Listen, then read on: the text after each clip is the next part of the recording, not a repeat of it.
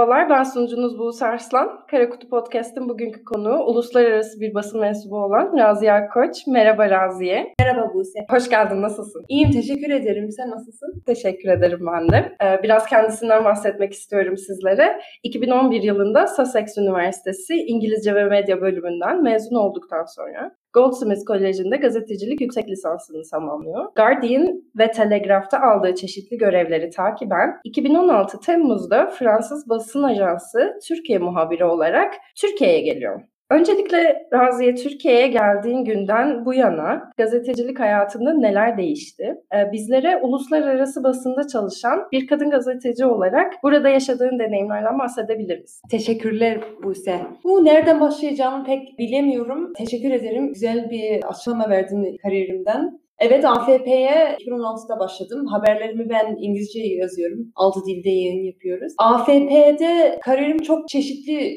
çok karmaşık bir dönem geçti. Kronolojik olarak başlayalım. İlk geldiğimde 6 gün sonrası darbe girişimi olmuştu. Hatırlıyorum e, o süreçte o akşam çünkü ben darbe pek yani darbeleri ben pek anlamıyorum. Benim için o başarılı olacak mı, olmayacak mı ben bilmiyorum. Yani ben yaşamadım. Tabii ki 80 darbenin e, etkilerini çok iyi biliyoruz da anlamak ve onu nasıl işleneceği yani insan bilemiyor. Çok korktum o gece. Bir gazeteci olarak çok korktum o gece. O gün o günden bu yana çok çok şeyler değişti. Ve ben hatırlıyorum ben dışarıdaydım. Müdürüme de aramıştım. Dedim tamam röportajlarımı yaptım. Ve biraz böyle bir yani korktuğum için biraz mutluydum. İnşallah bana diyecek ki ofise gidebilirsin artık yani dışarıda kalma. Çünkü herkes yani paniğe biraz kaptı yani. İlk saatlerinde biraz insanlar rahat bir şey olmayacaktı. Sonra biraz paniğe kaptılar. Ben İstanbul'daydım o süreçte. Çünkü benim ilk başladığım günler bahsettiğim gibi. AFP'de çalışmak bir yani Türkiye'de terör eylemlerden duruşmalardan, darbe girişimi çok karışık bir süreç oldu. Tecrübe olarak çok şeyler öğrendim burada. Türkiye'de ben yani gazeteci olmak için gerçekten herkesi Türkiye'yi tavsiye ederim. Çünkü Türkiye'de o kadar şey öğrendim ki mümkün değildi bunları Londra'da öğrenmek. Kaç tane gazeteci aramızda çok iyi bir dayanışma var. Bana çok yardım ettiler. Tabii ki dil çok önemli ve ben kendimi burada geliştirdim ve Ankara çok büyük bir fırsat oldu. Çünkü Ankara'da çok yabancı ajansların ve yabancı gazeteciler vesaire muhabirleri yok. Mesela sadece AFP'de ben varım. Bir de bir Fransız yazar muhabirimiz var. Bir de Financial Times'ın Laura. Ondan sonra Reuters ve AP de var burada. Tabii ki Rus ajansı da var. Ben sadece Batı medyayı daha çok bildiğim için onlardan onları konuşacağım. Çok çok güzel bir tecrübe oldu burada. Çok korkunç bir tecrübe bir yanda. Bana sorsaydın o, o gece darbe girişiminde yani Türkiye'ye gelmekten memnun muydun? Ben derdim bir vatandaş olarak çok korkutucu olarak çok şeyler öğrendim. Yani ondan sonra Türkiye çok değişti ve o hızlı değişimle ben de birçok şeyler öğrendim. Evet. Ve bunu çok belirlemek istiyorum. İngiltere'de bir gazeteci olmak, Londra'da çalışmak. Şimdi dönemde rahat diyemeyiz ama o dönemde çok daha rahattı. Yani mesela ben işe gidiyordum, yabancı haberlerle ilgileniyordum 2015'te. Rahattı. Türkiye ile ilgili haber yazıyordum, pek düşünmüyordum. Ama ondan sonra Türkiye'ye geldikten sonra Türkiye'de bir gazeteci olmak, özellikle yabancı gazeteci olmak çok çok daha farklı. Hangi konulardan daha farklı? Biraz daha kendini takipte gibi hissediyorsun. Ben bunu stalker anlamda söylemiyorum ama biraz daha hangi konularda, hangi haberleri yazdığında insanlar biraz daha sana söylüyor bu haberleri niye böyle yazdın. Mesela hiç telegraftayken bana birisi demedi niye böyle yazdın, niye şunu yazdın ama Türkiye'de biraz daha ya yetkililerden ya da sivil toplum kuruluşlardan bunu bu her zaman kötü anlamda söylemiyorum ama e, seni kontrol altına almayı istiyorlar. Bunu sana söyleyebilirim. Dört buçuk sene sonra hala alışamadım. Ben bir plastik haber üstüne yani Avrupa'daki plastikle atılan Türkiye'ye geliyor. O haberi çok yapmak istedim. Ama bir kişiyle görüşmek istedim ama biraz bana yani tehdit demeyelim bana yani haberi Türkiye'ye yönelik yazmayacaksın yani bir kötü bir şey. Sen sonuçta vatandaş, vatan seversin vesaire. Bu hala bu baskı alışamadım ve alışmayacağım. Çünkü normal değil. Yani ben istediğim haberi ilkeli olarak yazmam lazım. Eğer bana bir kişi söylerse yani her tarafla görüşeceksin değil mi? Ben onu kabul ediyorum. Ve aslında Türkiye güzel bir deneyim oldu o konuda. Çünkü Türkiye çok daha düşünüyorsun. Ben herkesle görüştüm. Yani bana birisi diyecek mi muhalefetle görüştüğünde AK Parti'ye bir şey sormadın ya da MHP'nin hakkında bir şey yazdın da AK Parti'ye de yani böyle şeyler düşünüyorsun vesaire. Aslında bu güzel bir şey. Çünkü bir gazeteci her zaman düşünüyor ben objektif olmak istiyorum. Ama açıkçası bazen değiliz. Ama bir ajans da bu ajansın özelliği gerçekten her şeyi yazıyorsun. Yani Erdoğan bir şey söylüyorsa ben Erdoğan Cumhurbaşkanı'nın söylediklerini yazıyorum eğer yani uluslararası okuyucularımız için önemliyse. O aslında bir kazanç ve ben New York'a gidebilirdim. Ankara'yı seçtim ve pişman değilim çünkü bir gazeteci olarak yazma konusunda çok ilerledim ama bu her tarafla görüşmek ve kendi fikirlerini ortaya koymamak bunu çok iyi öğrendim. Çünkü aslında bir gazeteci senin düşündüğün önemli değil. Ha ben demiyorum ki senin önünde bir cinayet varsa da gerçeğini yazmamak o konuda söylemiyorum. Ama sonuçta benim fikirlerim önemli değil. Yani ben bir siyasetçiyi sevmeyin de se seveyim ne alakası? Yani haberle ilgili bir şey değil. Gerçeği yansıtmamız lazım. Mesela ben sınırda görev yapmıştım 2019'da bir hafta Türkiye'nin 3. askeri harekatında Suriye'de. Ben Türk tarafında Akçakale'deydim. Ben gördüğümü yazdım. Sonuçta gerçekten roketler ve başka şeyler, ben pek e, konularda hakim değilim, geliyordu Türk tarafına. Ve ben o anları yaşadım ve yazdım. Bu önemli. Ama o demek değil ki diğer tarafı da yazmamak. Öbür tarafta Suriye'de olanlara da yazarız tabii ki. Kadın gazeteci olarak da bunu söylemek istiyorum. Türkiye'de çok güzel bir dayanışma var gazetecilerin arasında. Kadın gazeteciler de çok var. Editörlük konusunda benim soru işaretlerim var. Yeterli kadın promosyonlar oluyor mu? Yani diyelim dış haberler editörü mümkün mü? Ama diplomasi alanında ben ilk başladığım günlerden ve, ve hala bu devam ediyor çok kadın gazeteciler var ve aramızda dayanışma var ve yabancı gazetecilerin arasında da dayanışmayı sağlamayı mücadele veriyoruz. Bu çok önemli bir şey. Ve bunu daha çok Türkiye'de gördüm çünkü biraz da kendimizi sanki yani baskı var diye biraz da dayanışma lazım ve onu sağlıyoruz ve iyi ki sağlıyoruz çünkü bu önemli bir şey. Ama her şeyle önemli. Yani bir kadın gazeteci olarak ben kendimi zorluk hissetmiyorum ama bazen davranışlarıma bakıyorum. Bir kadın muhabir olarak tabii ki bazen sıkıntılar olabiliyor. Böyle sıkıntılar olabiliyor. Mesela bir yetkiliyle görüşmek istiyorsun. Kahveye çağırmak istiyorsun. Ben bir yetkiliye kahveye çağırmak konusunda düşünüyorum ki bu genç yetkili bunu yanlış mı anlayacak? Yani kahveye davet ettiğim için bunu ama kahveye çağırmak da flört etmek değil de onu nasıl belirleyeceksin? Hı hı. Onu da düşünüyorsun. Bunu erkekler hiç düşün, erkek gazeteciler hiç düşünmeleri lazım değil. Ve bazen öyle şeyler oluyor. Bir akademisyenle irtibata geçtiğimde bir haber, haber için değil de bir projem için yani biraz e, rahatsız edici olaylar olmuştu.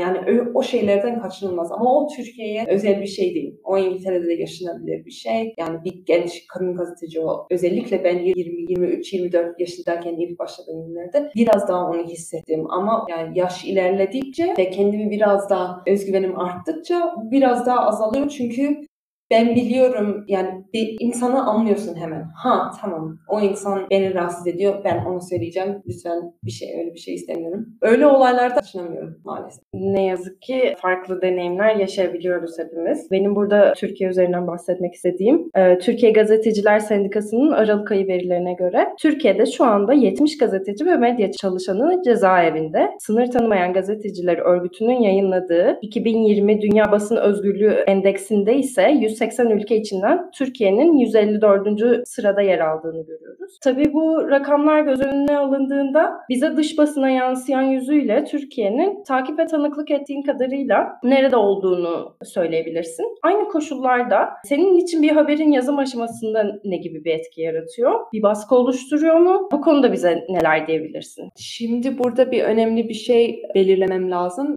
bir yerel gazeteci, bir Türk gazeteci onların şartları çok daha zor bir yabancı gazetecileri kıyasladığımda. Ondan sonra bir daha bir şey belirlemek lazım. Ben bir ajans muhabiri olduğum için biraz daha farklı oluyor. Çünkü ben dediğim gibi Erdoğan hakkında çok haberler yazıyoruz. Yani Erdoğan'ın söylediklerini vesaire. Onun için biraz biz biraz da kapsamlı haberler yazıyoruz ve biraz da yani objektif demek istemiyorum da biraz da böyle soğukkanlı yani bu oldu, bu oldu, ondan sonra bu oldu gibi haberler yazıyoruz görüyoruz. Gazetelerde biraz daha farklı oluyor. Ama bahsettiğin rakamlar e, yani biz biliyoruz Türkiye'deki durum. Baskılar çok var. E, bizim gazeteci arkadaşlarımız gözaltına alınıyorlar ya da davalar açılıyor. Mesela diyelim Türkiye'de her gazeteci atılmıyor hapishaneye ama böyle bir durum oluyor. Bir gazeteci araştırma gazeteci. Mesela Cumhuriyet'teki gazetecilerin bazı muhabirler çok güzel haberler yazıyor. Ve çok araştırma ve bizim halkımızın önüne önemli konuları koyuyorlar. Davalar açılıyor.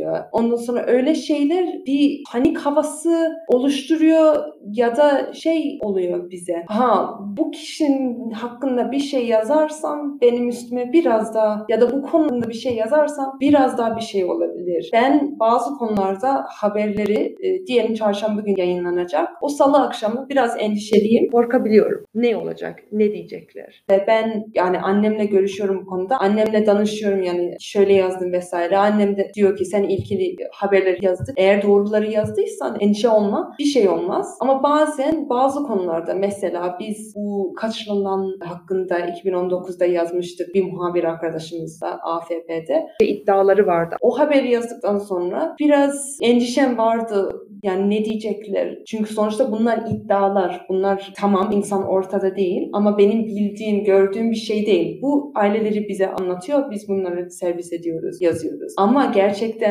ben bu haberleri inandığım için yazıyorum. Ama bazen de beklemediğin yerlerde mesela Bloomberg'in hakkında ekonomi haberleri diye bir dava devam ediyor. Ben bahsettiğim bazı konular normalde onlar diye bir şey olabilir ya da dava açılabilir ama o olmuyor. Ama bir ekonomi haberden dolayı bir, iki gazeteci aslında toplam 38 kişi herhalde o dava içinde devam ediyor öyle şeyleri yani düşünüyorsan yani gerçekten dikkatli her şeyi yazdım mı bunlar doğru mu? Ama ben gazeteciliğimi iyi yürütmem eğer yazmazsam. Tamam o biraz var ama yazmam lazım ve dediğim gibi ajans olduğum için ben biraz daha az hissediyorum benim üstümdeki baskın. Yani diyoruz ya dereceler var. Ben diyorum ki ajanslar biraz daha yani altta önümüzdeki başka gazeteciler yani gazetedeki yazarların riskleri bizden daha fazla. Kademeli kademeli olarak bir gün de gelebilir onu farkındayım. Ama ben yani devam ediyorum. E, AFP bizim arkamızda düşünüyorum. Biz sonuçta yalan haber servis etmiyoruz. E, gördüklerimizi yazıyoruz ve ben her zaman yani bazıları diyor ya Türkiye'ye yönelik haberler yazıyorsun. Her şey Türkiye'ye yönelik değil ki. Mesela bu plastik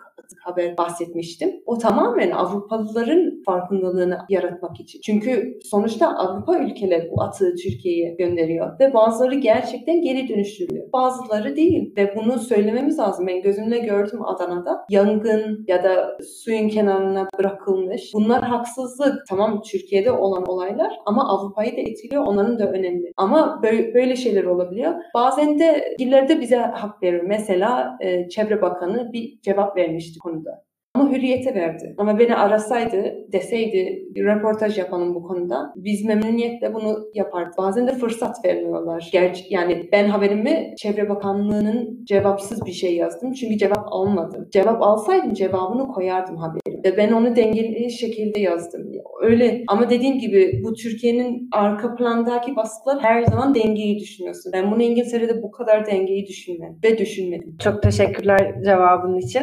Bunların yanı sıra bahsetmek istediğim bir şey daha var. Eş kurucusu olduğun, benim de her hafta heyecanla takip ettiğim, Türkiye'nin gündemini ince esprilerle derlendiği haftalık bir haber bülteni olan Turkey Recap var. Bize Turkey Recap'in kuruluşundan bahsedebilir misin acaba? Evet, Turkey Recap Ekim 2019'da başlamıştı. Hayata geçirdik. Diego Kupler, Severus gazeteci benim arkadaşım. Biz parktaydık. Seymenler Parkı. Ankara'yı bilenler o parkı iyi bilirler. Oradaydık. Herhalde kahve içiyorduk. Soda da belki vardı. Sodayı, Beypazarı sodayı çok seviyoruz. ee, konuşuyorduk. Hayallerimizi konuşuyorduk. Ne yapalım? Yani ne istiyoruz? Ben de söylemiştim yani benim hayalim podcast yapmak yani o tecrübeyi kazanmaktı. Ee, ve denemek istedim. Olmadı. Öyle şeylerden konuşuyorduk. Diego da e, onun hayallerinden konuşuyordu. Ondan sonra newsletter bahsetmişti e, Diego. Ben hiç böyle bir şey önceden düşünmedim. Tabii ki ben çok seviyorum newsletterları. Çünkü çok çok sayfalar var, çok haberler çıkıyor. Ama newsletter çok faydalı oluyor. Ha tamam bu olaylar oldu bir ülkede. Tamam iş bitti, öğrendim tamam. O haftanın haberlerini öğrendim. Şimdi Diego ben bunu konuşuyorduk ama pek sanki ciddi anlamak değil de ha tamam yani lay lay konuşuyoruz. Ama ondan sonra Diego yani baktı biraz araştırdı ve çok ısrarlı, çok deneyimli bir gazeteci olduğu için yapalım. Ama bizim hayalimiz yani 2021'de bunu konuşmamı hiç beklemiyorduk. Sadece yapalım ne olacaksa. Bahsetmiştim ya bu 3. askeri harekatı Suriye'de. Diego söylemişti yani çok sıcak haberler çıkıyor Türkiye'den uluslararası ve Türkiye'nin içinde. Yani eğer başlatacaksak böyle bir projeyi aslında zaman şimdi yani onu kaçırmamamız lazım. Ben de destekledim. Dedim evet yapalım yani neden olmasın. Zaten Türkiye'de böyle bir şey yok. İngilizce yani İngilizcesi yok böyle bir şey. Hı hı. Ve zaten pek böyle komik olan bir şey yok. Ve biz bunu şey gibi gördük. Ben her zaman böyle düşünüyorum. Bir arkadaşım var. Ben ona nasıl söyleyeceğim Türkiye'deki olan olayları? Tabii ki bazı olayların şakası mümkün değil. Mesela kadın cinayetleri. Biz bazen başlıklarımıza şey veriyoruz. Komik bir titre veriyoruz. Ama kadın cinayetleri hiçbir zaman komik olmadığı için o komikliği koyamıyorum. Ama recap'in iki tarafı var. Biri komik ama biri de İngiliz okuyucularımız için, İngilizce okuyucularımız için onlar çok Türkiye'nin hakkında bir şey öğrenebiliyor. Çünkü bazen haberler çevrilmedi. Bayağı Türkiye'de İngilizce yayın organları mesela. Ama bizim yaptığımız gibi yok ve her haberi de yapamıyorlar. Çünkü zaten bildiğimiz gibi Türkiye'de çok çok olaylar oluyor vesaire. Onun için böyle devam ediyoruz ve bunu çok zevkle yaptık yani çok heyecanla. Benim bir arkadaşımın önerdiği bir şey var. WhatsApp'ta grup oluşturdum bir arkadaşla. O arkadaşı itim gruptan yani çıkardı o gruptan. Kendi grubum kendime yazıyorum notlarımı. Ha şu şakayı yapacağım bu hafta. Ha şu şakayı. Ben bunu AFP'de yapmam mümkün değil. Ben bir e, kelime oyunu yaptım AFP'de bir haberim için. Editör bana şey dedi. Ya ben sevmiyorum kelime oyunu, oyunları. Çünkü fark etmedi ki ben onu o titreyi ben yazmışım. Onun için AFP'de mümkün olmadığı için Turkey Recap'ta zevkle yapıyoruz. Ve insanların sevdiğini gördük ve onu devam ettirmek istiyoruz sonuçta. Yani bizim abonelerimiz her hafta büyüyor ve büyümeye de devam edecek inşallah. Aa, Açıkçası keyifle yaptığınız belli oluyor. Biz de dediğim gibi keyifle takip ediyoruz severek. Acaba dinleyicilerimiz arasından Turkey Recap'i nasıl takip edebilirler? Bun- Bundan bize bahsedebilir misiniz? Size nasıl destek olabilirler? Çok teşekkür ederim. Ee, bizim sitemiz var şimdi turkeyrecap.com ve bizi her sosyal medyada bulabilirsin. Instagram'da, Facebook'ta, Twitter'da, LinkedIn. Orada bulabilir dinleyicilerimiz. Ve e, bizim Patreon hesabımız da var. Eğer mali anlamda bir destek vermek istiyorlarsa oradan da verebilirler. Bunu da bahsetmek istiyorum. Çok Diego ve e, bizim yaptığımızdan da bahsediyoruz. Temmuz 20 20'de de bir Türkçe newsletter'ımız oldu. Türkçe yazıyoruz. Türkçe yazıyor iki gazeteci arkadaşımız. Orada da aynı haberleri yazıyoruz da onlar biraz da Türkiye'ye yani Türkçe olduğu için Türkiye'deki kalan Türk ve diğer Türk vatandaş yani Türkiye'nin vatandaşları olan insanlara ama Türk olmayanlara e, servis ediliyor. O da her cuma saat 11'de çıkıyor. Bizimki de perşembe saat 3. Ve dediğim gibi sitelerimizde insanlar bulabilir ve ümit ederim keyifle kururlar senin gibi. Peki Raziye bugün bize katıldığın için çok teşekkürler. Ben teşekkür ederim. Dinleyicilerimize iyi bir gün diliyoruz. İyi günler.